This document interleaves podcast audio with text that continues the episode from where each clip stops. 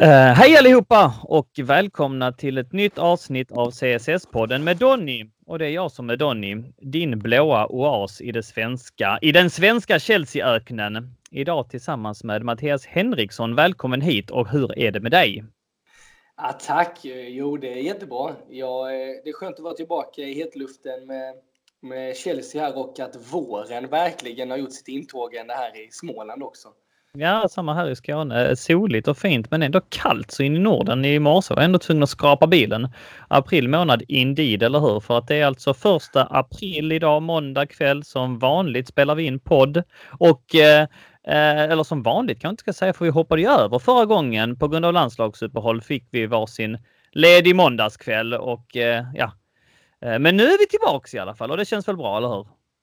Ja, det är kul att vara tillbaka. Det, det, tror jag alla håller med om. Och att alla är glada att våren är tillbaka med förmodar jag. Även om det är lite blåsigt. Så får det vara. Och det är bra med mig också. Tackar som frågar. Ja, det gjorde du inte, men jag, jag, jag tar vidare ändå. Rörigt, mycket på jobb. Det är sjuka barn och dessutom som du kanske såg innan här så eh, jag la ut lite på CSS-podden-gruppen på Facebook så dras vi med en vattenläcka här hemma som har vänt vår tillvaro upp och ner. Eh, så just nu så sover min sjuka son med min fru i vårt sovrum och jag och min dotter sover på soffan i vardagsrummet för att hennes rum är ju helt obeboeligt och där susas det och brusas det av en stor fet avfuktare. Nåväl, eh, sidospår och vi glider ifrån ämnet. Det tenderar vi att göra här ibland på, i CSS-podden, men, men eh, ja, då är det väl tur att eh, Chelsea levererar med storspel och bragdinsatser på varandra. Eller vad säger vi? Ja, alltså det, man kan inte begära mer. Så det, eh, den, den, den, ena läckan efter den andra får man väl säga. Vi kommer eh, dyka in i det också så småningom. Eh, passa på att säga också att ingen ville Sjögren idag. Eh, men jag och du är alltså eh, tillbaks och vi är taggade till tårna. Eh, förra gången hade vi mick-club och vi kan ju passa på att säga att vi tror att vi har löst det problemet. Och det lutar alltså åt att det inte är mickens fel för att den micken du har, det vet jag är en bra mick alltså. Um, utan att det snarare är teckningens fel.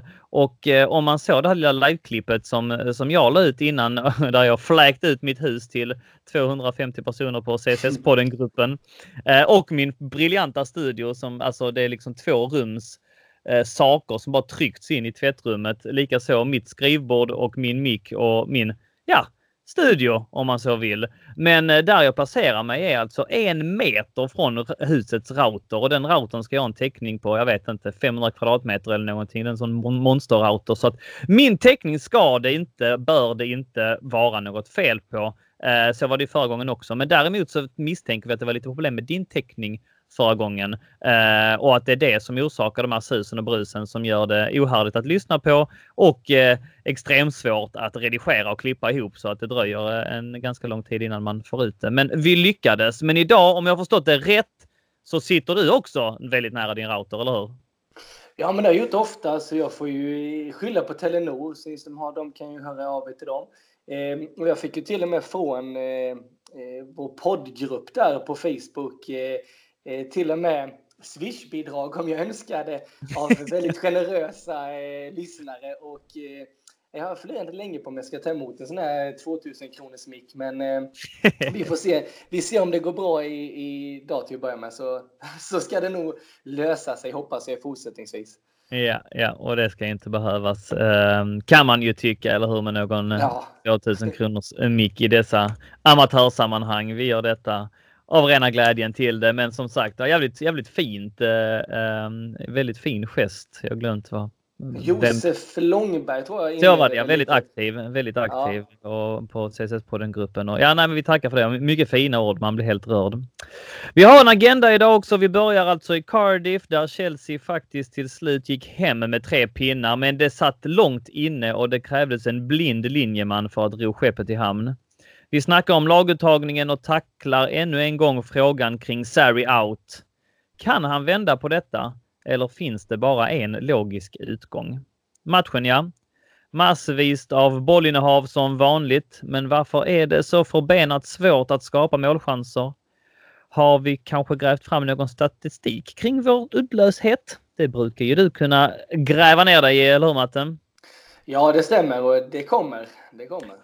Hylla den som hyllas bör. Callum Hudson-Odoi är återigen rubrikernas man och den unge Chelsea-sonen har han med att både debutera för landslaget i ett inhopp samt starta följande match för de tre lejonen. Hur ser det ut för honom framöver? Och vad är det senaste kring vår transferban? Alltså grejer som går hand i hand. Vi blickar även framåt mot Brighton och sneglar mot CSS-podden-gruppen som som vanligt Eh, har bidragit med inspiration till detta avsnitt. Ehm, och det har alltså gjort innan vi satt agendan, men det kan ha dykt upp någonting mer kanske. Så att jag har telefonen här bredvid mig och, och tittar ditåt. Men med det ska inte jag bli alltför långrandig utan jag hälsar er helt enkelt välkomna till avsnitt 12 av CSS-podden.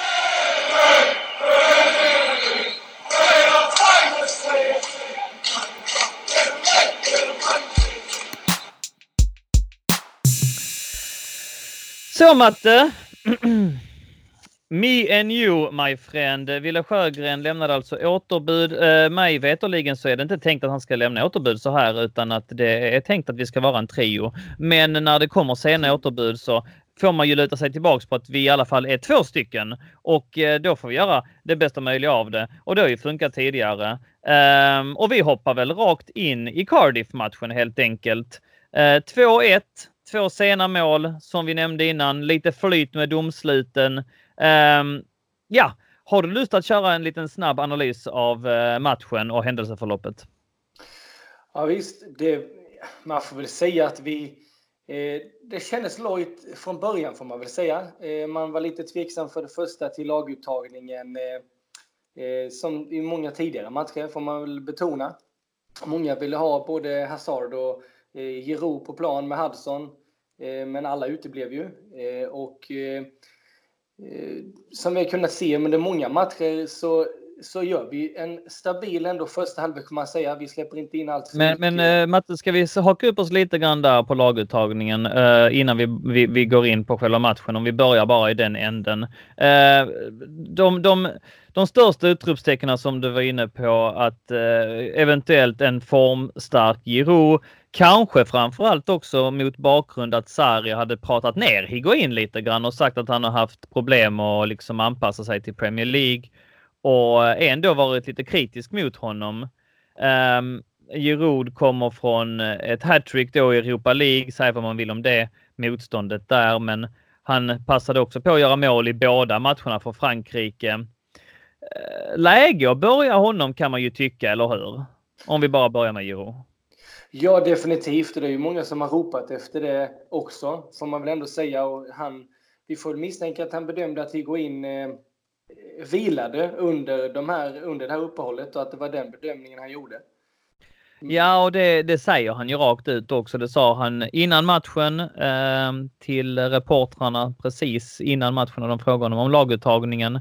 För det var ju eh, den, det, det stora utropstecknet nummer två då att eh, Hazard och, eh, och även kanske då Kante ehm, eh, som ändå får betraktas som två nyckelspelare den här säsongen också eh, förpassades till bänken och det är klart, men då har man ju, ju Brighton på onsdag att tänka på också och när man sen vann matchen då sa ju Sarri både lite hånfullt och lite nedsättande att det löste ju sig. Vi vann, vi tog tre poäng Hazard fick, eh, vi slet minimalt på honom. Han spelade bara en halvtimme och Kante är fräsch liksom. Han spelade inte någonting av matchen så att planen fungerade. Tyckte det var ett jävla konstigt uttalande, men det, men det, men det tyder ju definitivt på att det berodde på det, att han tyckte att de hade spelat många matcher. Han sa väl till och med att de har spelat båda två runt 50 matcher och att man måste liksom ja. välja sina strider. Men kan jag ju tycka att man får hoppa över en träning i så fall. Alltså matcherna är det viktigaste vi har så att alltså jag tycker det är ett lite glöttigt argument ändå, men det var konstigt, eller hur? Och då valde han ju att spela med William och Pedro istället, som båda två inte eh, spelar landslag. Nej, precis. Och sen får man väl också säga det att i hans eh, snack med så jämförde han ju mycket eh, första halvlek och eh, matchgenomförande eh, till, mot matchen mot Everton också. Att han mm. sa att det var den bästa första halvleken vi har gjort och att han inte riktigt kunde se samma här mot Cardiff. Och, mm. eh, och laguttagningarna givetvis speglar ju det vi innan har berömt in för och framförallt du är ju hans rörelsemönster som en anfallare. Men fasiken, man börjar bli mer tveksam där med. Alltså det, det, mm. det sker ingenting från att han får boll och han är ju, han är ju så desperat också efter att göra, göra mål, vilket ser mer ut att hämma honom än tvärtom. Eh, och det, så Giro, att han skulle in tidigare tyckte jag inte var något snack om. Eller för all del i världen, Hazard som innan upp där som en falsk nia eller vad som helst. För Higuain måste ändå eh, slita för sin plats eh, på ett annat vis tycker man ju. Och som du sa, han fick ju kritik. Ja, ja. Men om och, vi går... Ja, ja fortsätt. Om vi går tillbaka till, eh, till, till, matchen där, eh, om vi hoppar in i, eh, i andra halvlek igen, där vi återigen släpper in ett mål tidigt i andra mm. halvlek. Så är det ju samma samma slags loja. Man kan uppleva att eh, jag vet efter, 70, alltså efter 68 minuter så hade vi ett skott mot mål. Eh, på mål alltså.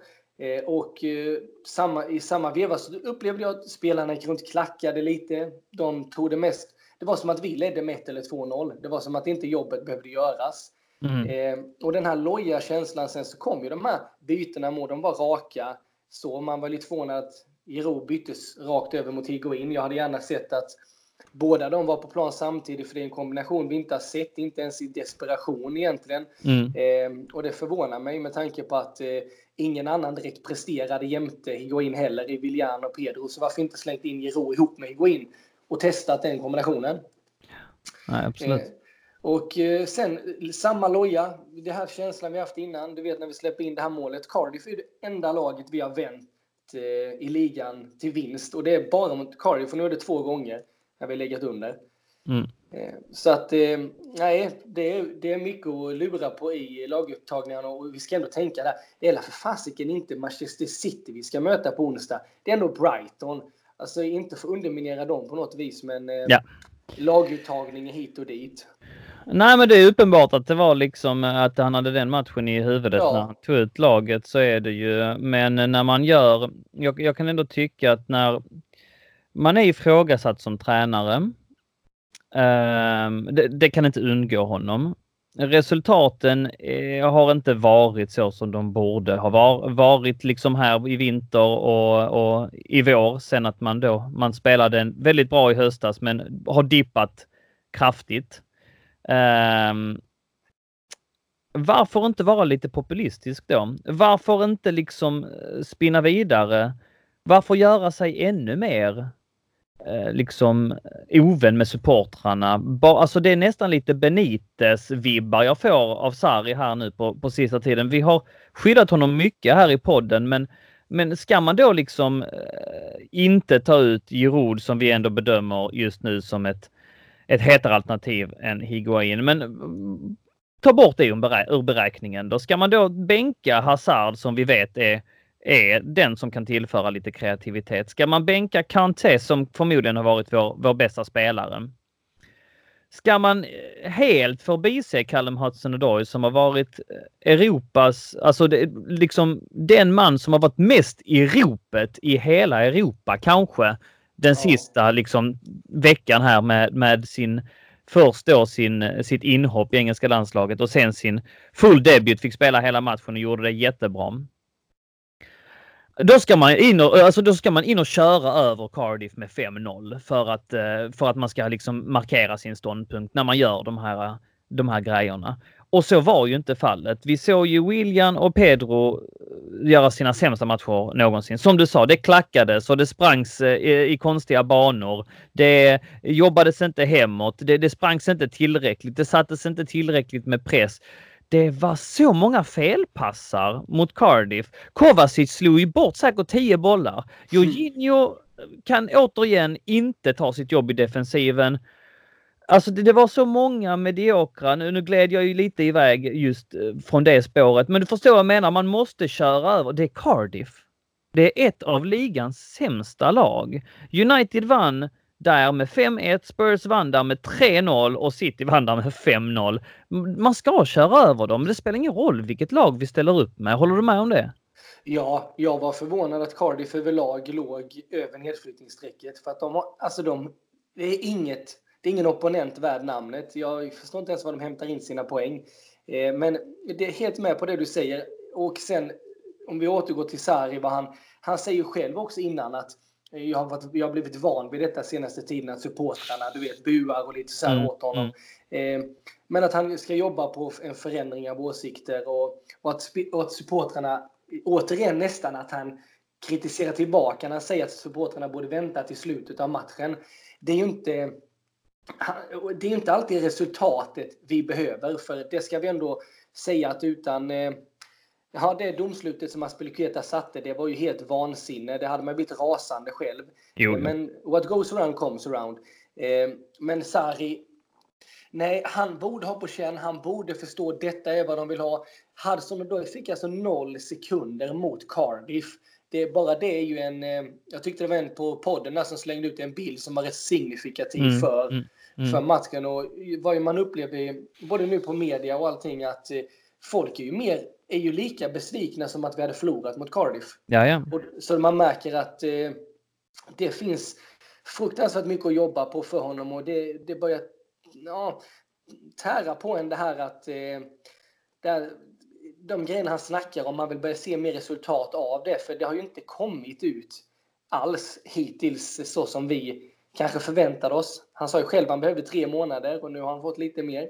Ja, det kan man ju säga. Vad är det? 7-8 nu? Ja. Ja, Nåväl, vi, eh, vi har berört väldigt många eh, punkter och svävat ut lite grann. Tycker ändå det har varit eh, bra resonemang och gott snack. Eh, vi har som sagt hållit ändå Sarri om ryggen. Men jag vill ändå summera det tankesättet. När man gör en sån här då chansning mot Cardiff, när man en väljer att inte vara lite populistisk. Hade han liksom spelat Hudson Odoi, hade han spelat Ruben Loftus-Cheek kanske då, som vi uppenbarligen då hade tillbaks från skada, som också kom in och gjorde det bra. Tagit några liksom eh, beslut som supportrarna hade velat ha, då kanske han hade inte behövt lyssna på de här Sari out-ramsorna som kom också. Så att jag, jag, och jag kan bara dra paralleller mot Benitez som jag också tyckte gjorde väldigt många sådana beslut bara för att nästan visa att det är jag som bestämmer. Och det tjänar man absolut ingenting på. Tydligen hade han en tanke med det, men det är bara det att jag köper liksom inte resonemanget. Jag tycker att man, ja, även om man skulle ställa upp med ett lite mer B-betonat lag, om nu det var det som var hans taktik, var för att spara spelare till Brighton. Det är klart man ska köra över dem, men när man väljer att liksom faktiskt gå, det var ju en på fantastiskt roligt på, på deras, eh, på Chelseas Twitter, den, den som fick mest kom, eh, tummen uppar där, eh, hade skrivit okej, okay, när de hade släppt eh, den här laguppställningen då på, på Francesis officiella Twitter. Okej, okay, that, that was a premature April's Fool's joke. Now tell us mm. the real lineup. Alltså man trodde ju inte, jag trodde inte mina ögon.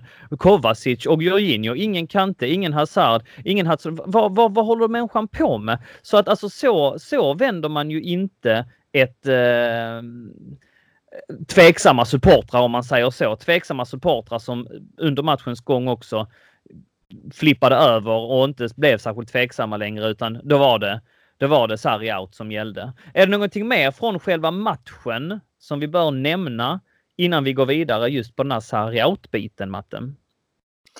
Eh, matchen tycker jag var rätt så, var så tydlig. Det som vi kan runda upp det med är ju, som vi har sagt innan, att vi inte haft någon tur och det var banne mig på tiden nu att vi fick med oss lite. Ja, ja det håller jag med om. Också. Ja. Så, det, så det vill jag summera det med. Och det kan man ju säga också att eh, vad, vad, vi än, vad vi än säger så återigen va 72-28 i bollinnehav, 21 chanser mot 8. Jag säger inte att Cardiff inte var värda att komma, no, alltså ta med sig någonting från matchen. Men, men eh, det blir ändå lite, missförstå mig rätt nu, det blir ändå lite rättvisare när det laget får lite, eh, alltså att det studsar lite med när man har varit så man, när man har statistiken med sig. Jag ska inte säga att vi var ja. dominanta på något sätt, för det var vi inte. Men det är för många matcher som vi faktiskt har haft oflyt i också. Det var fasken på tiden att vi fick lite stolpe in också, kan jag tycka. För att i all den här misär måste vi alltså omfamna lika mycket tur som exempelvis Ole Gunnar, Gun, Ole Gunnar Solskär, heter han och inget annat, har haft. Va? Lika mycket missflyt har Sarri haft. Uh, I allt detta vi liksom rantar om just nu så är det en faktor väl värd att omfamna. Visst är det så? Ja, jag håller med. Om, om vi drar parallell med Solskjaer med så har vi spelare som man inte förväntar sig ska ha presterat, verkligen överpresterat, medan vi i vårt fall har kunnat se många spelare som har underpresterat, där han mm. byter mellan två killar och den ene gör det sämre än den andra, bortsett från match till match. Liksom. Mm. Så att eh, det, det finns att jobba på och han he has to improve, som man säger själv. Hela så, tiden, ja. Så det, ja. Ja, ja. Och eh, visst kan man tycka synd om Cardiff, men alltså sen samtidigt, det är inte en jävel som har tyckt synd om oss den här säsongen när vi har haft våra 20 ramträffar eller vad det är och släppt in liksom det enda skottet på mål som, som har kommit mot oss hela tiden. Så att eh, jag väljer att lämna de eh, näsdukarna på, vid dörrkarmen innan jag mm. liksom sätter mig och tittar på fotboll för att det nej, det, det, det, är, eh, det är klart. Man kan tycka lite vad man vill om det, men eh, det är inte så att jag jublade och skrek och tyckte att det var fantastiskt härligt att vi ändå kom iväg med tre poäng. Va? För så mycket supporter är man ju ändå. Visst är det så? Ja, men det var därför fan inte Cardiff som dominerade. Att de fick in 1-0 där på en skitchans egentligen och som de sen kunde bära med sig. Och det som du säger där med ser jag statistik på att vi har faktiskt flest eh, stolpe och ribbträffar i Woodwork då av alla mm. lag i, mm. hela, i hela serien faktiskt med 19 mm. stycken. 19 så stycken, att, ja. Eh, mm. Så att det är ju det är också signifikativt för säsongen så det betyder inte bara att vi sitter här och, mm. och är partiska utan det talar ju på det viset. Så är det. Det är många faktorer den här säsongen som gör det. Vi har nämnt det tidigare. Otur är en faktor. Eh, spelare som underpresterar är också en faktor. Kanske lite för dåliga spelare är också en faktor. En manager vars idéer inte är lätta att implementera en faktor. Så att det är klart, det finns eh, många bottnar i detta. Så enkelt är det. I toppen på detta Eh, på denna, vad ska man säga, taktiska pyramid står Sarri med dirigentpinnen och gör sitt bästa. Från läktarhåll hörs det We want Sarri out, we want Sarri out. Jag slängde upp en omröstning på CSS-podden-gruppen. Eh, när jag tittade sist så var det en 60 stycken som hade röstat på att man inte tyckte att Sarri skulle sparkas. Och eh, ungefär eh, en 20-25 som tyckte att han skulle sparkas med omedelbar verkan. Um, ja, har, har, har, har du förändrat din, din uppfattning kring, kring just detta, eh, Matte? Och i så fall i, i vilken riktning? Nej, jag har inte ändrat mig. Jag tycker fortfarande att han ska vara... Det finns absolut mycket att, att spela för fortfarande. Men... Nu fick jag upp den här också. Jag försökte få upp den samtidigt som vi pratade, men eh, så att jag inte eh, ljuger. 52 röster. Nej, det är inte lönt i detta stadie och 22 röster ja, annars räddar vi inte säsongen på frågan bör Sarri få sparken. Så alltså ändå liksom eh, en, en, en 30-70 ungefär, vilket ändå är lite, lite intressant alltså att de svenska Chelsea-supportrarna ändå tycker att det är ingen idé att sparka honom just nu. Så fortsätt.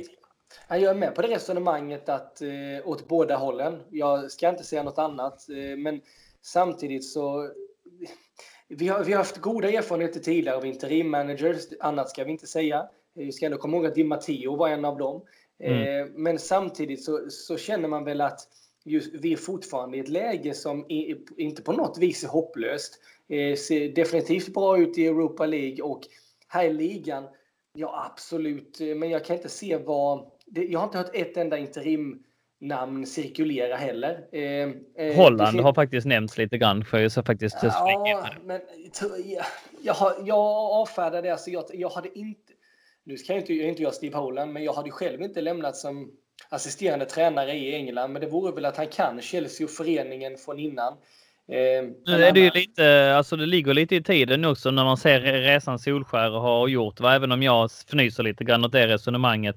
Kan klubben, vad fan innebär det? Va? Jag tycker Noah Bachner på Expressen, tidigare svenska fans, uh, Newcastle, Eh, skrev en skitbra krönika om det. Vad, vad, betyder det här? Kan klubben? Är det det att han vet liksom var toaletterna finns i korridorerna? Va? Alltså, vad, det är så ut, vad, menar man med det? Va? Det, det är ett jävla konstigt resonemang att det skulle på något sätt liksom bidra. Men ja, samtidigt så kanske det ligger någonting i det. Men eh, jag kan ju bara tänka mig att i och med att man liksom har gjort så från Chelsea-håll tidigare, man eh, Eh, fick inte Guardiola. Då vill man varva Sarri som skulle spela ungefär som Guardiola. Va? Och man, man väntar lite grann med och ser lite grann vad som funkar och sen försöker man, Jag har jag fått känslan i alla fall, att man försöker koppa det lite grann. Va?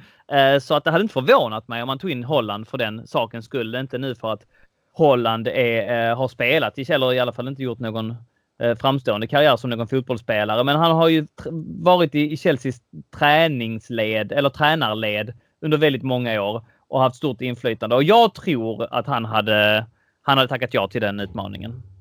Det tror jag absolut med, men jag, jag känner väl att om man tittar statistiskt eh, de åren, alltså om vi går tillbaka rätt lång tid, så ser vi att eh, erfarenheten av interimmanagers i, den, i det här skedet av säsongen existerar ju inte. Vi har alltid sparkat mycket tidigare. Ja. Vi, har vi har sparkat eh, allt från två månader efter uppstart till eh, en, kanske januari, där någonstans eh, februari. Men det här, alltså nu pratar vi om att vinna i april.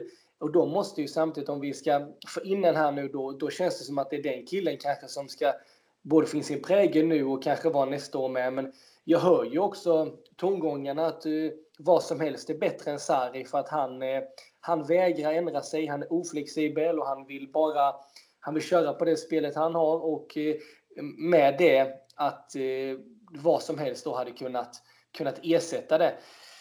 Det, jag, det är jag väl inte helt lika säker på för att eh, vi har inte tappat placeringen än. Vi, vi är i allra högsta grad med och jag vet inte vad vad, vad, vad tycker du?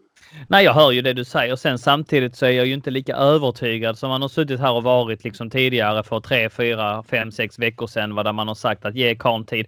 Men det, det som håller mig fast vid den grundprincipen är ändå någonstans att det är, och det har jag sagt tidigare, det är samma personer som, som skyller liksom hela Chelseas förfall på det faktum att vi sparkar tränare. Det, eh, roten till allt ont är att vi sparkar tränare när det faktiskt inte är så, när det snarare har varit en gynnsam modell för, för Chelsea. Men det dras alltid upp uh, eh, uh, eh, den här jämförelsen som om Chelsea är den enda klubben uh, i England eller i världen för den delen som roterar, tenderar att rotera på den posten så att säga. Det är väl en dimension i det hela att jag tycker att folk slänger sig eh, på det argumentet så ganska så snabbt och, och beskyller ledningen för kortsiktigt tänk och hur det i sin tur har en negativ effekt på ungdomarna och, och på vår, eh, vår akademi. Um, och att vi aldrig kommer att se liksom långsiktiga framgångar med det typen av tänk och, och de här argumenten, vilket det ligger någonting i dem, men jag kan inte omfamna dem till 100% Och det är exakt de här personerna som nu faktiskt skriker på Saris, eh, på, på, på Saris huvud att vi ska sparka honom. Eh, så, så då är inte det värt någonting det här med ah, skit i, i det här med att vi ska implementera ungdomsspelarna. Skit i det långsiktiga. Nu sparkar vi ännu en tränare som faktiskt inte har fått ens en full försäsong att, att ges chansen på. Jag håller med i allting. Jag håller med att han har verkat. Han inledde bra, men på sista tid så har han dalat i min respekt också. Han verkar trubbig. Han verkar ha en väldigt bestämd idé om vissa spelare och deras kapacitet som jag inte håller med om. Exempelvis då Kantes eh, förmåga att spela defensiv mittfältare i ett 4-3-3. Det hade jag visst tyckt att han kunde. Eller då Jorginhos oförmåga att spela med två stycken defensiva mittfältare. Det har han också sagt att det kan han inte. Um, och jag hade önskat en större flexibilitet där. Jag hade önskat en större flexibilitet kring hur man uh, approachar matcher i ett stadie där det inte händer någonting. Vad där vi har sett att det går trögt i en halvlek, exempelvis nu mot Cardiff senast. Där vill jag se byten i halvtid. Där vill jag se att man ruckar om i systemet. Alltså, det kan vara små grejer som Mourinho gjorde, bara bytte kant på Pedro och William till exempel. Och det kan vara stora grejer. Man byter, man byter eh, formation, man testar med två anfallare. Den här eh, avsaknaden på matchcoachning eller plan B det, det retar man ju också. Men med allt detta sagt så just nu, just här så tycker jag ändå att han borde få chansen, alltså säsongen ut åtminstone och försöka räta ut detta själv. Sen står vi inför ovissa tider och ja, det är möjligt att det är för ett framtida poddavsnitt eh, för att vad det nu blir med transferbannen, om det nu blir så att Sarri stannar, vem man tar in, vilka spelare man har. Det är så otroligt komplext. Men att bara liksom eh, rent slentrianmässigt ropa på hans huvud. Ja, ja den, den skaran tänker jag inte ställa mig i. Så kan jag ju summera den. Nej, jag instämmer. Sen hade det varit intressant som du sa. Han har nästan inte gjort jag kan inte ens minnas om han gjort byte i halvtid om det inte har varit någon skada. Jag, jag får tänka nog tillbaka 15 år eller någonting när jag vill minnas att, eh, kanske ännu längre, Mourinhos första veva var det att han bytte ut Joe Cole och Sean Wright Phillips 25 minuter, 28 minuter någonting bytte han ut båda två. Och mm. efteråt så fick han ju motivera det och så sa han det, de visade ingen som helst gnista, de sprang inte, de gjorde inte som jag ville. Sen var ju han en annan epok, men sådana mm. grejer är ju, det är ju kanske lite döda spelaren med, men det var ju jag sände ut ett budskap i alla fall och ja, nej, ja. den, den eh, just approachen kanske, ja den är väl kontroversiell och den kanske ja. man, man, man, tar i försvar. Men jag förstår vad du menar, liksom någon form av markering och ja, återigen en liten faktor i sammanhanget som gör att man hör liksom kritiken mot honom och man hör att den blir större och större. Men om jag ställer frågan, eh, rent historiskt Matte, för mig känns det som att när en tränare har fått fansen mot sig, när det börjar skandera Sarri out-sånger och så vidare. Man har inte jättelång tid på sig att vända på detta. Kan det kanske redan vara för sent? Alltså innan vi ser eh, plakat med Sarri out, innan vi ser eh, att de här rösterna tilltar mer och mer finns det kanske bara en logisk utgång. Alltså kommer Karn få gå? Vad, vad säger liksom historien kring detta? Jag, jag, vet om att jag bad dig titta lite på det innan vi började spela in och har du hittat något? Ja, det har jag och vi kan ju framförallt börja med att säga att Chelseas eh, bana där, hur de har gjort rent den logiska vägen har ju varit att de har kickat. De har inte lagt, det är inga fingrar emellan utan eh, det har varit våran modell. Det har mm. varit väldigt svårt för tränare att vända. Det kan ha varit att eh, de har men, känt... Men, med det sagt så har man ofta fått säsongen ut på sig. Folk... Komma till ja, förlåt mig. Precis, ja, fortsätt den. De har fått säsongen ut väldigt sällan de kickar så sent. Antingen kickar vi väldigt tidigt så att en ny tränare får chansen eller så får man säsongen ut och då vet alla redan innan han kommer få gå. Mm. Eh, men om vi tittar på andra större managers eh, som har varit så kan vi faktiskt eh, vi kan bara titta på Sarri igen. Jag, eh, informationen från när han kom till Napoli i början, det var ju, han kom egentligen från sämre lag och de värvade han, vilket var relativt halvkontroversiellt. Och det gick inte alls bra i början. En vinst på fem matcher och det var många som ifrågasatte hans sätt att ändra på Napolis eh, sätt att spela och agera. Eh, så han har vänt på det förut, Sarri, för att som vi såg sen så vände han ju på det i Napoli. Eh, men han fick kritik redan, eh, redan då, men det är ju inte en lika stor omfattning som vi Eh, som exempelvis den största av alla som har vänt på en dålig trend då är, är Sir Alex Ferguson. Mm. Eh, som tog över eh, United 86 och ett par år senare så, så var vi i den vevan där vi är nu, fast än värre då där alla ropade efter hans, eh, både medialt och fansen, att eh, han skulle lämna. Och de var ju inte långt ifrån nedflyttningsstreck och, och allting. Och det, så illa? Det var, ja, så det var i början av 89 där så hade de eh, hade de sex förluster och två avgjorda och då tyckte folk att det var nog. Så att eh, eh, det förekom plakat. Det, kan jag, det är även någonting jag googlade fram. Eh, och eh, sen fick han tid. De gav han möjligheten och sen resten där är väl historia om man säger så. Eh, blev han till och med adlad och allt längre fram för han hade gjort för landet. Eh, så att, eh, och då ska vi ändå tänka att då hade han, det var tredje, då var det ändå eh, i, det här började redan i början, men det eskalerade efter tid och han var ett tag inte alls populär i, i föreningen då. Eh, och sen var det ju 90-talet som de sen började dominera på, på ett helt annat vis. Eh, andra personer eller tränare som har, eh, som har lyckats vända på skutan var ju faktiskt eh, redan, jag läste en intervju med Pochettino i Tottenham förra veckan eh, där han nämnde, eh, när han kom till, till Tottenham så hade han ju en, en svit på, vad var det, en, en vinst eller liknande på nio matcher, två, tre vinster eller någonting. Eh, och Harry Kane avgjorde en match där Pochettino efteråt själv har sagt att hans mål, den frisparken, vände på, eh, vände på allting. Det gjorde att jag blev, eh, jag blev, eh, kunde fortsätta min tid som tränare i, i Spurs. Om Absolut, drar... på ett fantastiskt framgångsrikt sätt och gått från noll titlar till Ja, Noll till titlar. Och, och, och, och är så, var ironi alltså för er som... som är så omtyckt i sin eh, förening. Men då ja, det är han. Det är han. Han är hyllad som en demontränare, men ändå li, li, lite ja. Ja, det, har faktiskt noll titlar fortfarande det är lite roligt med, för det var väl Harry Kane som sa det nu, varför du inte lämnar. Så sa han det, jag vill fortsätta vara med och bygga upp det Pochettino har inlett. Och då var det många som ifrågasatte vad fan han byggt upp som du inte kan lämna liksom. När Real Madrid liksom ropar eh, förslagsvis. Nej, men jag, jag, jag köper resonemanget. Han hade också en trög start. Alltså det, det, ja. det, det minns inte jag. Men, men ändå liksom eh, blivit hyllad där. Uh, jag, jag ser vad, vad, du är på väg att komma, men ofta så väljer man, nu har vi säkert inte så vi kan jämföra liksom statistik här, men ofta väljer man ju huvudet, eller hur? Alltså ja. det är lättaste vägen när det känns som att börjar det också sippra fram eh, rykten om förlorade omklädningsrum och hitten och ditten, då brukar det vara kört. Riktigt där är vi ju inte riktigt än, eller hur? Um, Nej, det håller jag med om. Och om jag flikar in där så en intressant person i allt det här är ju faktiskt vår kära Conte som tränade oss. Som kom Många, han fick ju massiv kritik. Vi minns ju alla 3-0 Arsenal och Liverpool.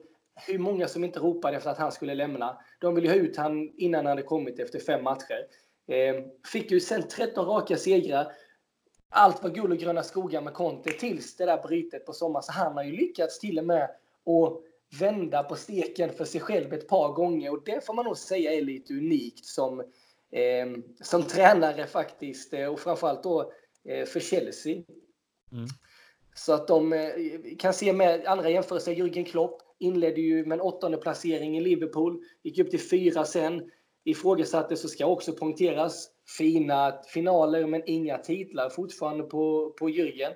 Ehm, så att jag... Eh, eh, så, det finns än mer exempel vi kan ta av här, men om vi riktar oss lite mer brittiskt här, ehm, för det är lite den, den det är olika eh, tränarstrukturer, hur man gör i länder. Eh, det är mycket mer eh, tränare som får gå i ett mycket tidigare stadie. I, säg i Spanien, där kan en tränare gå efter tre matcher eller liknande. Eller de får nio matcher på sig. Har du inte löst efter nio matcher får du gå.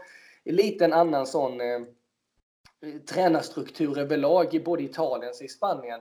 Eh, och det, det, är ju också någonting som kan påverka, för engelsmännen vill ändå sken av att de eh, de inte är en liga som sparkar mm. och slänger ut tränare, att de är en lojal liga. Det håller jag inte riktigt med om. Nej, så är det och eh, fantastiskt eh, bra eh, kollat upp alltså. Mycket intressant och då kanske en tursam vinst kan vara vändpunkten. Eh, som vi såg här mot, mot Cardiff. Vi, vi ger inte upp hoppet, så kan vi väl säga. Eh, men om vi, om vi bara blickar tillbaks på matchen igen då så såg vi återigen ett massivt bollinnehav. Vi, vi dominerar liksom rent i possession. Man ser glimtar av det här Sarri-boll som, som vi, vi, vi vill liksom krysta fram att det ska finnas där. Men vi skapar för få målchanser och det har gått som ett mantra genom liksom eh, den andra halvan av säsongen här. Va? Vi, vi, spelar runt och det som ska vara attraktiv fotboll är inte attraktiv fotboll. Det är tråkig fotboll. Folk eh, faller in i dåliga mönster, tar inga löpningar, håller i bollen för länge och det här massiva bollinnehavet renderar inte till några bra målchanser. Um, och jag bad dig som läxa nummer två, jag tittar lite grann och ifall det fanns någon statistik kring den här uddlösheten. Har du, har du hittat något där? Alltså först och främst är det intressant att om vi räknar till skottmässigt så har ju vi skjutit eh, näst mest i ligan. Det är bara Manchester City som har skjutit mer eh, då mot mål. Däremot kan vi då se på den här, om man slår över det till uddlösheten, att vi har gjort 52 mål på eh, närmare 500 skott, vilket innebär ju att vi, vi är ju vi är ju sexa just nu i, i serien med, med 52 mål gjorda, vilket är relativt lågt så här långt in på säsongen. Vi kan också se att vi har ju, vi har ju ändå Tittar vi på stora chanser som är, som är missade ligger vi också ändå rätt högt upp. Eh, eh, det här Big Chance Missed som, är, som mm. även Premier League hänvisar till. Där är vi trea. 46 stora chanser som vi har bränt. Eh, vilket inte är egentligen acceptabelt om man tänker på målskörden som det genererar i mm. slutändan. Eh, vi, och lägger vi in allt detta i eh, nivån av possession som vi har som är, det är bara City och ibland så är ju till och med vi före City om man, om man slår, det ut, slår det mot varandra. Eh, om man räknar det till possession och alla skott vi har så är ju detta det, det, det, alltså skott per, målen per match, alltså det är 1,68 och vi skjuter alltså vi har skjutit av de här 500 skotten 159 skott på mål. Och det ska ju betonas att det är ju ett lägre antal än, än vad många andra har av konkurrenterna. Eh, och vad det kan bero på är ju det, det, är svårt att säga, för alltså det är ju en 30 procent som vi har med skott på mål. Och visst kan man säga att vi försöker, men i, i slutändan så eh, vi missar stora chanser. Vi har, vi har, absolut, vi har ju mest eh, stolp och ribba hela ligan, och så här, men i slutändan så är det någonting som gör att eh, vår dominans och vårt bollinnehav inte renderar de målen eh, som vi behöver. Och eh, siffrorna och statistiken på det är tydligt. Ja. Vad fan gör vi åt det då? Ja, jag kanske frångår eh, vi har ju kört på samma vis hela tiden. Om vi tänker från början av säsongen, då körde vi Morata istället. Han funkar inte. Vi slängde han till Atletico. Eh, Giro fick testa lite då och då. Och nu så kör vi med Higuain. Det har vi kunnat se. Den, det sättet funkar inte. Det bästa, den, den, som hade bäst statistik den lilla perioden, det var ju faktiskt Hazard som gjorde rad poäng när han spelade där. Men sättet att spela har varit detsamma. Så mitt förslag är ju som jag sa då, som, som nu senast spelar Higuin och Giro samtidigt. Varför mm. ska vi envisas med yttrar? För nu, jag vill, jag vill räkna till att jag fick förra matchen inlägg, mer inlägg än vad vi har gjort på närma, senaste tio matcherna. Men då, fan vann inte en nickduell i straffområdet? Alltså, bokstavligt talat, jag hittade ingen statistik på det. Vann, vi, vi, vi vann andra bollen, eller som vi fick ut där som Barkley eller liknande. Men det, så även om vi har, har vi Higuain där inne som ska lösa de situationerna, ska vi börja spela på ett sånt sätt, då är det mycket bättre att spela i ro. Var, mm. jag, jag, den stora balansen som jag pratat om, det är ju kanske Jorginho ska bänka sig ett par matcher, se vad det kan generera in med Kanté i den ja. rollen eller liknande. Det är ju sådana grejer vi behöver. Det kommer ju inte hända. Men, Nej. Men med det så sätter vi punkt för eh, tillbakablickarna och eh, så börjar vi eh, blicka lite framåt helt enkelt för att vi ska också plocka ut en elva här som ska möta Brighton och innan vi nallar allt för mycket på det så är det en viss ung spelare som ska hyllas.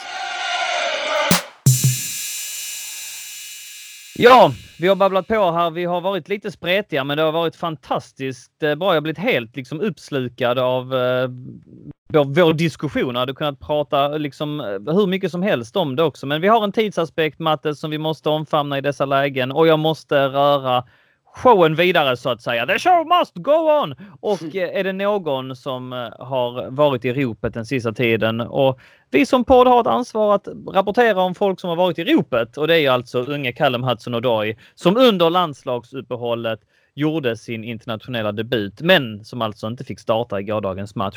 Eh, det har vi betat av, men debuten har vi inte betat av och den liksom det eko som, som, som denna debut faktiskt eh, ja, vad säger man? Ekade, kan man säga så? Callum Hudson-Odoi eh, blev alltså Englands största, första, eh, yngsta här var det jäkligt svårt att formulera en bra mening märkte jag. Men det jag ville komma fram till var alltså att han blev den yngsta debutanten någonsin för England i tävlingssammanhang när han alltså eh, byttes in mot Tjeckien. Um, I 70 minuten och eh, det var inget problem eh, att, att vinna den matchen. Men um, några dagar senare gjorde han alltså även sin första start för det engelska landslaget när man vann mot Montenegro med 5-1 um, ehm, i en match som Ross Barkley gjorde två mål i och Hallam Hudson Odoi stod för en assist och fick väldigt fina lovord efter matchen av bland annat då Gareth Southgates, Englands tränare. vad säger vi? Vi har sagt att Sarri har haft lite otur med eh, både det ena och det andra. Den här gången har han ju otur med tajmingen för att det här strör ju liksom ännu mer salt i såren när han själv inte har gett Callum Hudson-Odoi en enda start i Premier League. Så går liksom den hyllade Gareth Southgate och spelar honom från start och det faller ut liksom hur bra som helst. Um, ja, vad säger vi Matte om allt detta? Ja, om vi ser som Sarri så var det helt enkelt eh, Montenegro och Tjeckien är sämre. Ja. Det var ju så han summerade hela grejen. Men visst fasiken är det för det första jäkligt coolt och man blir ju stolt för det är ju det vi behövde lite mm. med Chelsea-ögon sett med den här positiva att hela, som du sa i början av podden här, att hela världen riktar nästan blickarna mot det här eh, genombrottet får man väl på mm. sätt och vis ändå kalla mm. det. Och att eh, då hade vi ändå Sterling som öste in mål här nu i, i, ja, i veckan som var då. Men fan, vad kul alltså. Han, och att Barkley presterar som han gör, det har ju till och med kommit i skymundan eh, mm. för eh, prestationen som Hudson gör. Och eh, det är ju inget snack om saken att eh, det går inte samtidigt dra som Sarri gjort heller. Säg något annat lag som har spelat eh, en spelare så många gånger. Jag menar, vi såg Europa League innan han gick till landslagsuppehållet. Han är het, han har gjort mål egentligen i de tre senaste Europa League-matcherna innan det. Och jag menar, han, han levererar när han är på plan. Om inte så ger han en, en glöd. Så att, eh, Sarri, eh, jag utgår från att han ska spela honom i nästa match eh, från start eller byta in honom om han nu vilade honom senast här. Mm, mm. Ja, nej, eh, sjukt coolt. Vi hoppas det också. Eh, som sagt, lite bilder som kablades ut på hans bistra min och det har varit mycket snack om Callum Hudson-Odoi och hans vara och inte vara i Chelsea. Små, små sipprande rapporter från vissa Chelsea-korrar på Twitter gör gällande att han kanske eventuellt eh, funderar lite grann smått. Gud vad jag måste gardera mig när jag säger detta. Men på att skriva på ett nytt kontrakt med Chelsea. Men den som lever får se. Vi vet om att intresset från Bayern München finns där och vi vet också om att eh, vi hotas med alltså med den här transferbannen. Och jag tänkte passa på att nämna för att det går ju hand i hand. Eh, de senaste, det senaste om den här transferbannen. Och eh, det kom alltså lite mer nyheter här förra veckan kring vad det är som gäller. Och det är Matt eh, La från eh, Telegraph som eh, i en artikel beskriver att man nu har satt datum för the hearing, alltså då Chelseas överklagan på den initiala transferbannen man fått. Ehm, att, att den ska liksom tas upp för prövning den 11 april. Och eh, Matt Law säger att det fortfarande finns hopp då för att man förväntar sig att ett utfall ska komma ganska så snart. Man förväntar sig väl i grunden inte att, eh, att, att man ska eh, ändra på utfallet. Va? Att man kommer förmodligen stå fast vid att Chelsea inte kommer förvärva spelare på två fönster och man kommer förmodligen stå fast vid att den ska börja gälla direkt. Men det som händer då är att Chelsea kommer förmodligen ha tid att skrapa ihop tillräckligt material med sina jurister som alltså jobbar febrilt på fallet enligt den här artikeln eh, för att ta det till eh, sportens skiljedomstol. Och väl där är det mycket som pekar att då måste Fifa frysa bannen så att man ändå får åtminstone värva i sommar. Man har också förhoppningar om att det bara ska bli ett fönster som man inte får värva på alltså. Men, eh, men det där, det där vi står nu. Eh, det finns fortfarande hopp. Vi är svårt att, att liksom slänga sig med procentsatser och sånt, men de sista eh, rapporterna gör alltså gällande att det är redan i, om en och en halv vecka som, som själva prövningen kommer ske i det här utskottet då för, för prövningar som Fifa då har. Um, och um, för, för överklagningar ska jag säga och inget annat. Eh, att ett utfall lär komma ganska så tätt inpå där eh, och att man då hoppas att man ska kunna ta ärendet vidare till sportens skiljedomstol. Eh, Andreas Christiansen säger i en intervju i, under landslagsuppehållet att eh, man inte kommer att släppa några spelare från Chelsea. The message we have received are that Chelsea cannot appeal the case and therefore want to keep all the players. Och det här eh, uttalandet spred ju sig som en löpeld i England och på Twitter överallt. Uh, och det skulle alltså innebära om vi knyter tillbaks uh, till ruta ett då att Callum Hudson-Odoi måste stanna nästa år också.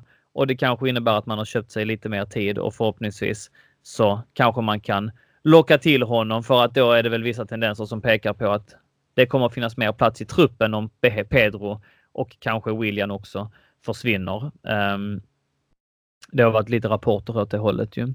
De kommer upp till åren och sådär va.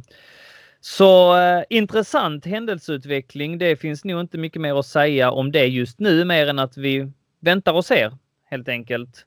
Men att vi går oviss, oviss tid till mötes, så kan man väl säga. Eh, något att tillägga Matten? Nej, jag tycker du summerade fantastiskt bra. Vi får bara hoppas på det bästa fast att vissa människor har menat att det här kan vara kanske en bra möjlighet för Chelsea som förening också att inte få värva. Men det återstår väl att se. Det återstår väl att se. Vi har också fått frågan på Facebook igen, va, vilka spelare som man vill eh, eh, ha tillbaka.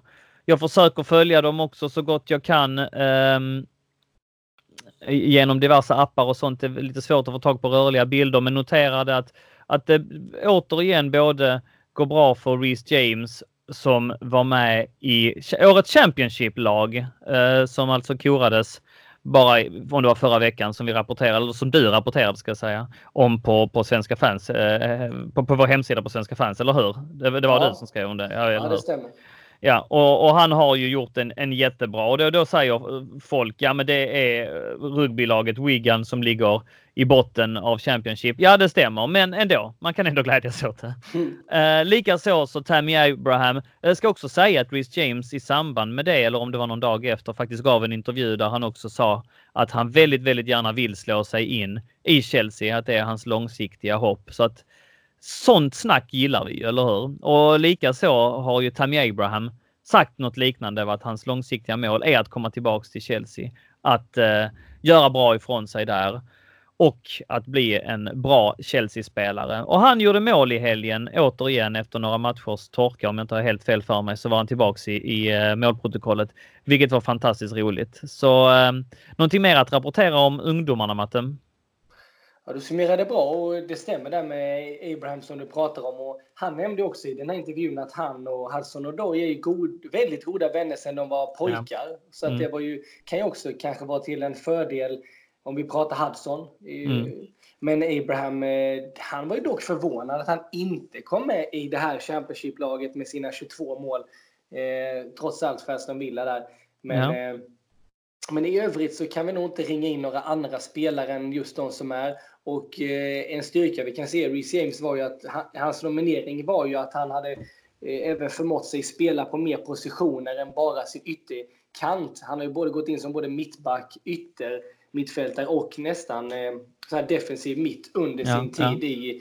Och det är också en styrka som hade varit högst passande i, i vår klubb då. Absolut. Eh, bara liksom snabbt flika in också att eh, Fikari Tomori fortsätter ju spela för eh, Derby County. Även om de har dalat lite grann så eh, folk kommer väl ihåg honom för det självmålet han gjorde på Stamford Bridge. Men mm. Men eh, han, han har varit en, en stabil kugge får man ändå säga i, eh, i Derby den här säsongen. Och likasånt, likadant var Mason Mount tillbaks i laget som har tampats lite med skador. Um, när de körde över Rotterham, Rotterham med 2-1, nej förlåt med 6-1 och inget annat. Mason Mount gjorde ett av målen där. Uh, kan vi passa på att flika in. Derby just nu på sjätte plats, vilket är en jäkligt viktig placering i Championship för att då får man chansen att kvala upp till Premier League. Uh, får se hur det går med det. En liten eh, inflikning också innan vi lämnar ungdomarna är ju att Reading, som jag blickar lite mot för att där spelar Louis Baker, den bortglömde talangen som jag hoppades så mycket åt. Han har hittat sin plats på det defensiva mittfältet. Man har experimenterat lite grann med uppställningar, uh, men har nu hittat ett 3, ja, vad det nu blir, 4, 5, 1 system kanske. Där eh, han alltså spelar med två stycken defensiva mittfältare och där Louis Baker får spela kontinuerligt och blir väldigt sällan utbytt. Eh, likadant så spelar alltså Matt Miaska i mittförsvaret i Reading som eh, såg väldigt hopplös ut men som skrapar ihop poäng. Lite kryss här och där och senast alltså nu i helgen vann man mot Preston med 2-1. Eh, både Matt Miaska och Louis Baker spelade hela matchen. Och eh, i tabellen så klättrar man alltså upp på säker match på en 19 plats nu, alltså hela tre placeringar över nedflyttningsplats. Så lite grann om våra ynglingar. Det är som många säger. Jag vet om att eh, Alex Leverens på vår CSS-podden-grupp också eh, är väldigt känslosam och, och, eh, skriver om både det ena och det andra. Men han sätter väldigt stort hopp eh, till eh, ungdomen och, och, har skrivit en post om att detta borde ses som en frälsning för oss om det nu blir så att, eh, att vi får en transferband. Så att så kan man absolut se det. Bra Matte! Vi ska blicka vidare också. Vi har, de kommer nu snabbt och haglar tätt. Det är alltså Brighton redan på onsdag. Uh, har vi tagit pulsen på Brighton och vad sägs där? Ja, för det första är det väl inte så mycket puls att ta på Brighton, eh, får man väl säga. Um, om vi ser till vår statistik mot dem genom åren så är ju vi fullständigt dominanta eh, mot dem tidigare. De, de vann första matchen någonsin mot oss 1933. Sen har de aldrig vunnit mot oss igen. Eh, och så får vi väl fortsätta hoppas att det är. Mm. Eh, fjärde matchen sen de kommer upp och vi har ju vunnit samtliga sen. De kom upp med 2-0, 4-0 och 2-1. Eh, men i år så, det som man ändå får säga sticker ut med Brighton är ju just att de har eh, haft en förmåga att släppa in väldigt lite mål, framförallt i, i lagen då i jämförelse runt om då. Eh, de, har ju, de har ju, ligger på en 15 plats för närvarande med 33 poäng jämfört med Cardiff som är sista platsen är 18 då. Eh, 18, 18 plats med 28. Eh, så Brighton har ju släppt in en 43 mål. Att jämföra med andra som ligger runt med 59, 70, till och med West Ham är uppe på 48 och så här. Så att de, eh, de är ändå starka defensivt. Eh, har eh, eh, minus 11 i målkontot så att de spelar snålt. Och det man kan se i deras matcher är att de kommer ju med förlust från senaste matchen mot eh, Southampton på hemma då. Men i övrigt så är det lite varannandags eh, spel från Brighton. De vinner en match som är för, för ett par matcher sedan där så vann de mot Huddersfield 1-0. Sen tar de Crystal Palace, vinner de här. De vinner verkligen de här måste-matcherna för klubben samtidigt. Eh, det, men det var väl en måste-match mot uh, Southampton jo, i helgen? Det, det får man säga. De har haft många måste-matcher ska man väl ändå ja, ja. poängtera, men de, eh, de, de presterar ändå. De, de är en klubb som inte på något vis sticker ut. De har ju dock väldigt bra och fina resultat mot eh, klubbar som ändå kommer högt. Mm. Eh, Manchester United har de ju varit lite boogie-team för sen de kom upp faktiskt. Och United vann ju för första gången tror jag mot dem nu med 2-1 i, i mm. januari, om vi hoppar tillbaka lite. Så de, de har strategier, de spelar rätt snålt och det är väl precis som man kan förvänta sig att de kommer göra mot oss. För det var ju så de gjorde senast när vi vann med 2-1 i början av eh, eh, i slutet av 2018, förlåt, när Hazard och Pedro avgjorde. Så mm. de, eh, de är... De, deras spelidé är rätt tydlig. De, eh, de kommer hålla undan. De har ju Louis Dunk i banklinjen. Det är en, en och Duffy! Stor... Dunk och ja, Duffy, radarparet.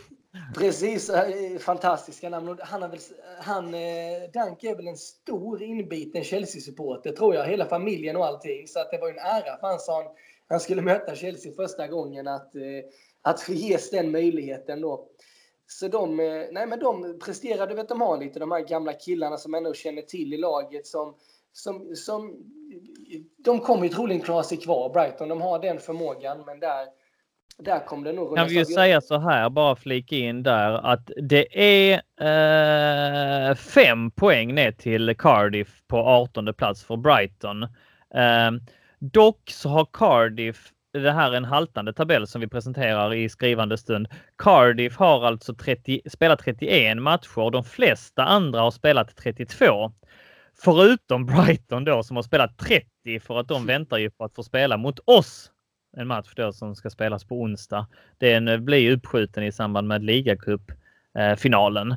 Så att det är en väldigt haltande tabell så man kan ju se det som att Brighton har två stycken matcher in hand och hade man då vunnit båda dem så hoppar man ju upp eh, väsentligt. Men visst är det ändå ett lag som man får betrakta vara med i nedflyttningsstriden, även om det lutar allt mer åt att Huddersfield vet vi redan är relegerade. Fulham vet vi också att all logik pekar åt att de ska bli relegerade. Och det lutar väl åt att Cardiff blir det sista laget. Men ska man säga så här rent krasst vinner Cardiff sin match som de har innestående så har ju de 31 poäng och Burnley har 33 poäng med 32 matcher spelade. Så att eh, det, det är någon match hit och dit så kan det vändas om. Men, men eh, med det sagt så det är inte någon alltför eh, het eh, nedflyttningsstrid Brighton är inblandade i, även om den ändå finns där. Förstår du vad jag menar då? Ja. Nej, det, du har helt rätt i det du säger och den, det är som väntat. Jag ska inte säga att det är ett getingbord och vissa lag verkligen har underpresterat, men de, jag, jag vill nog ändå, om jag ska dra det så, att jag tror ju Brighton klarar sig kvar i, i slutändan. De, det känns som att de Eh, de tar de där viktiga poängen när de behöver ta dem och eh, är stabila på att slå med sig eh, poäng om de måste. Så att, nej, de kommer nog reda ut det hela. Men min förhoppning är också att ett lag som Southampton klarar sig kvar. Det hade varit tråkigt om de åkte ner om man ska vara, över mot andra lag här. Jag mm. tycker det, det, går bra med de som faller ner där nu med Cardiff, Fulham och Huddersfield. Men visst hade Fulham kunnat stanna lite för närhet och så. Ja, men ja. Burnley har gjort ett riktigt fall på 17 plats. De var ju Englands mest hyllade lag förra året med spelare i årets lag och allting. Jag har haft mycket oflyt, haft mycket oflyt ja. i år. Så, så, att, så, att, så ja. de, eh, nej, det, nej, så, eh, men är definitivt en match vi egentligen eh, ska kunna vinna och visst kommer vi behöva stånka vidare, stånka med ett, ett resultat, men det kan lika bli en urladdning där nu efter senaste matchen om vi får in lite fart på på kanterna med Hudson och så vidare och så vidare så kan vi kanske få med oss en... Nu har en, ju... Ja, det får vi hoppas på. Men nu har ju Sarri eh, flaggat för att man liksom vilade spelare till den här matchen. Hur tror du att han ställer upp då? Nu, nu väljer jag ju inte att du ska liksom välja din, din drömelva här, utan hur tror du att han tänker? Och eh, du får såklart påverka lite grann, men du kan ju inte komma med något helt sjukt som Willy Caballero i mål till exempel, för det, det kommer ju inte hända liksom. Men, men hur, ja, plocka dina elva spelare då? Dels så tror jag att han, eh, han kommer spela eh, Kepa och sen kör han... Ah, Alonso var inte bra senast, men jag, jag tror han kör, eh, han kör på Alonso igen för att Brighton är ett stort, tungt lag och det kommer han att värdera. Mm. Därför Absolut. Så, han, därför så, tänker han, han ju. Han kommer spela både Luis Rydiger och, och Aspi då. Men så det, där är det inga förändringar och tyvärr är jag villig nej, att, att hålla med dig. Ja, Christensen absolut, men han kommer betona tyngden mot Brighton och det är det han kommer gå på. Mm. Eh, sen där så tror jag absolut eh, Jorginho spelar och att vi får in Kanté på plan igen. Och att eh, Kovacic som har varit väldigt slentrian under en rätt lång period nu mm. faktiskt får nöta bänk. Det, allt annat för mig är oförsvarbart. Mm. Eh, Barkley presterar bättre i England än hos oss, men han eh, Ja, han, ska, han får eh, vara kvar på plan. Det tror inte jag, Matte. Men här, jag, säger jag att jag tror att eh, Ruben Loftus-Cheek går in. Ja, jag tänker med det, men jag tänker nästan, jag vill nästan ha Loftus i en position högre upp. Eh, ja, men jag är, med, jag är med dig på det resonemanget. Men det kommer eh, inte hända. Det vill väl kanske jag också, okay. men det kommer inte hända. Okay. Vem ska han, du vill redan trycka in Callum Hudson-Odoi, men du, du vill ha alltså vad... Trodde han Nej, drömmer men... våta drömmar om dig den där Sarri eller? Det kommer inte. Nej men alltså det är klart, det, där uppe har vi ju Hazard så vi får nog förvänta oss att Higuain spelar. Eh, det kommer... Jag vill inte tro det, men jag tror att han kommer spela och sen eh, så Hudson kommer inte få starta. Det kommer vara William som går in där på kanten. Han, William, ja, alltså William framstår som en av Sarris favoritspelare. Underpresterat, underpresterat, underpresterat. Ändå så går han in och spelar så ofta som han gör. Men absolut så kan det vara en diskussion där. Så jag, jag tror William, så Hazard, skillnaden där, möjligen, men det och som du säger där, Barkley, ja, vi, hellre, jag vill hellre ha Loftus på plan och om vi om vi fly, han är ju, han, det känns ju som att ju mer han, man kritiserar han, desto eh, samma startelva kör han nästan. Ja, men jag vill eh. tro att han hade en plan. Alltså, han har man ju sett honom när han spelar, att han ofta tänker två, tre matcher framöver. Jag tror att han hade en plan. Han nu ville han spela med William och Pedro. De, var de, de, de fick liksom inte spela landslag. Han hade haft dem och tränat med dem, kunnat sätta sin prägel på dem, nött eh, jättemycket grejer som de ändå inte lyssnade på och, och så vidare.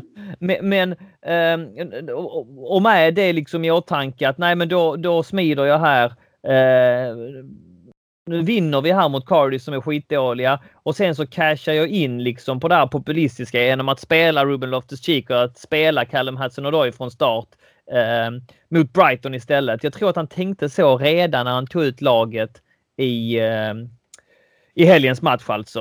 Eh, eller? Jag tror att eh, Sarri tänkte på matchen mot Brighton och Cardiff.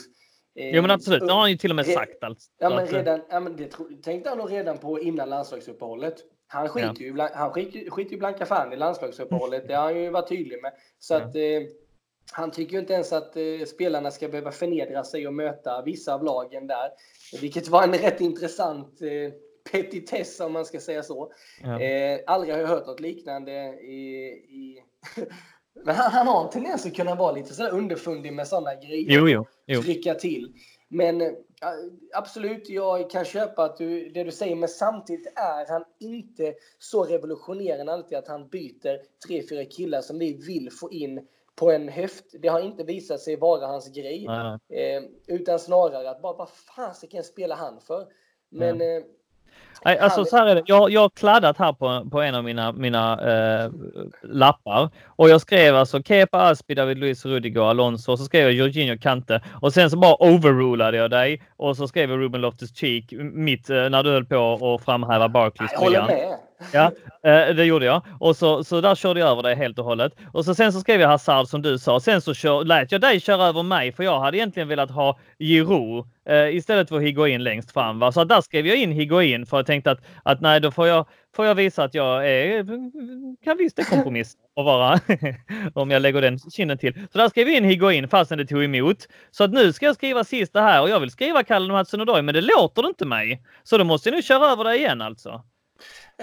Nej, ja, är han smart, det vi har pratat om under den här podden, då spelar ju Callum nu. Han, gör, han har gett honom chansen i Europa League, han har fått chansen i kvalet och han presterar ju. Det är ingen tvekan om saken. Han säger ju själv att eh, han är väldigt duktig på att påpeka grejerna Hudson inte är bra på. Men nu får man ju ta de här grejerna, eller som han inte är bra på då, eh, och ta de här grejerna som han är bra på. Och jag, det är ju, Viljan det är bara för att William har jag velat ta ut så länge och han fortsätter få spela och han erbjuder inte det vi vill. Jag tror att Hudson i sådana fall kan få som tidigast ett byte i halvtid eller liknande om det inte funkar. Men det är ju bara min känsla med Sarri av vad jag sett av honom.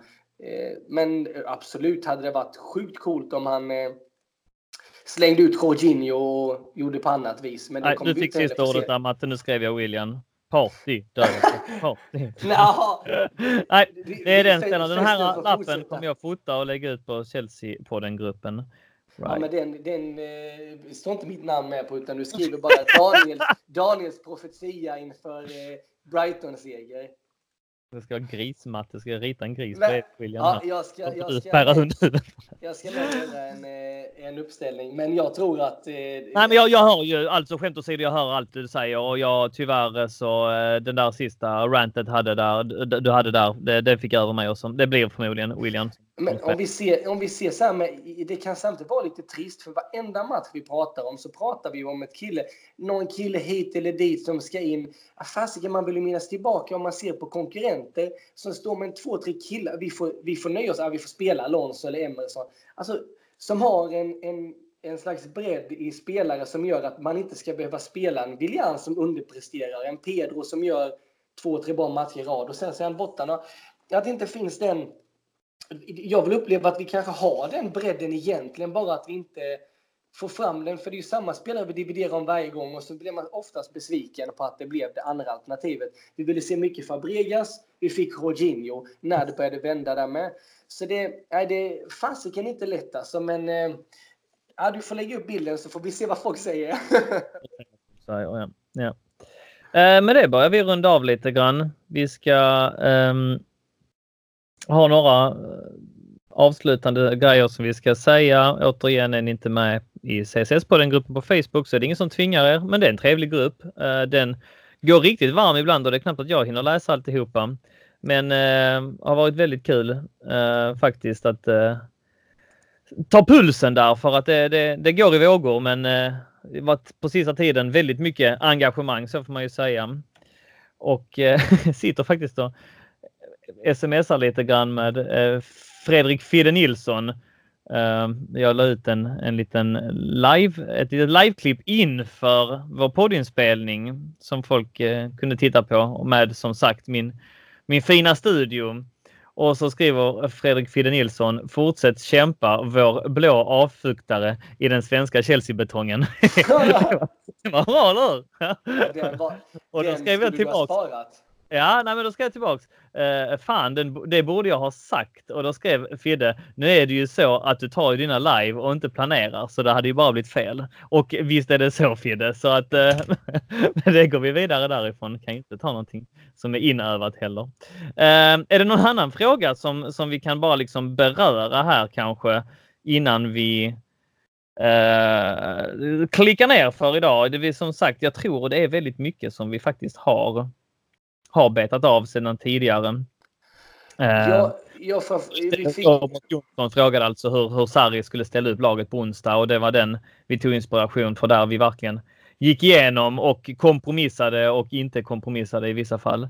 Hur ser vår statistik? Tog också ja, Joakim Nilsson. Ja precis, den, den grottade vi också ner oss i.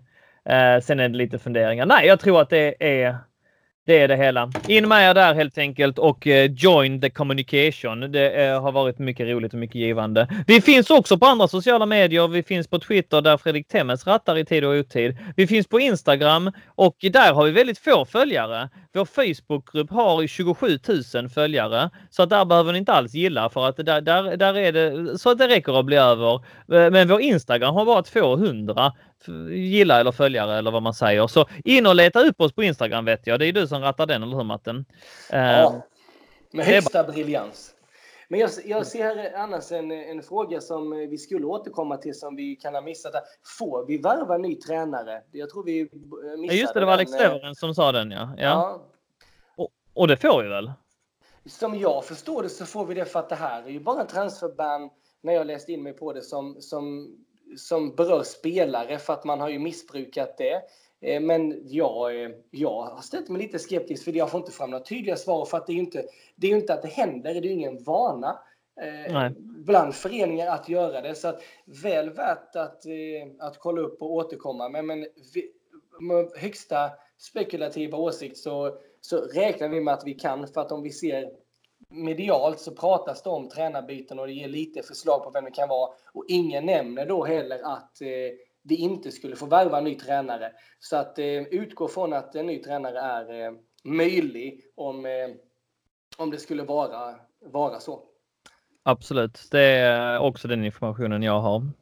En eh, avslutande shoutout är alltså att medlemstidningen är klar och den är på rediger eller den har varit på redigeringsbordet hos mig och den är nu alltså på tryckeri så att den kommer komma ut här inom en månad ish mellan tummen och pekfingret. Eh, det håller också på att hända lite grejer i CSS-ledningen. Jag har alltså inte med det att göra. Jag bara driver det jag tycker är kul att driva. Lite poddar, lite hemsida, ditten och datten och har inga liksom ledningsuppdrag på det sättet. Men eh, vad det verkar som så finns det komma lite nyheter på den fronten till nästa säsong, så håll utkik. Hur det således blir med podd, hemsida och så vidare är faktiskt i nuläget lite oklart, men tanken är alltså och förhoppningen är givetvis att vi ska köra vidare i något form av format. Speciellt när vi får så mycket gillar, knuffar i ryggen och eh, ja, vad ska man säga? Likes och pepp. Pepp, pepp är ett bra ord. Det tycker vi är jätteroligt. Så fortsätt gärna med eh, på den kärleksfulla inslagna vägen. Det tycker vi är kul. Någonting annat att säga, eh, Matte, rent avslutningsvis? Jag är nöjd. Det är jag med. Så alltså, tack så mycket för att ni lyssnade. Det blev ett fantastiskt bra avsnitt, vill jag tro. Eh, jag ser med spänning emot att klippa ihop det här nu direkt och lyssna på det under morgondagen. Eh, som med det sagt så säger vi bara carefree och up the chill!